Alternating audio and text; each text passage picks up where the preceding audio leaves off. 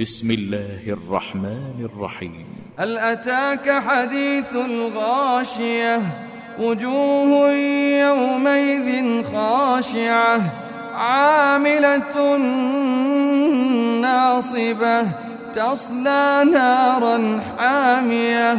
تسقى من عين آنية. ليس لهم طعام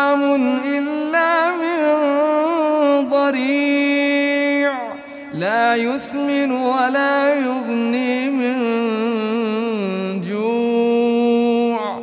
وجوه يومئذ ناعمة لسعيها راضية في جنة عالية.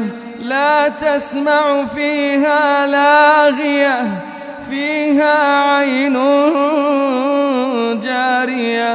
فيها سرر مرفوعة وأكواب موضوعة ونمارق مصفوفة وزرابي مبثوثة أفلا ينظرون إلى الإبل كيف خلقت وإلى السماء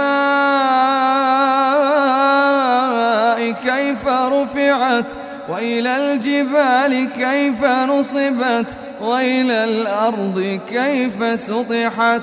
فذكر إنما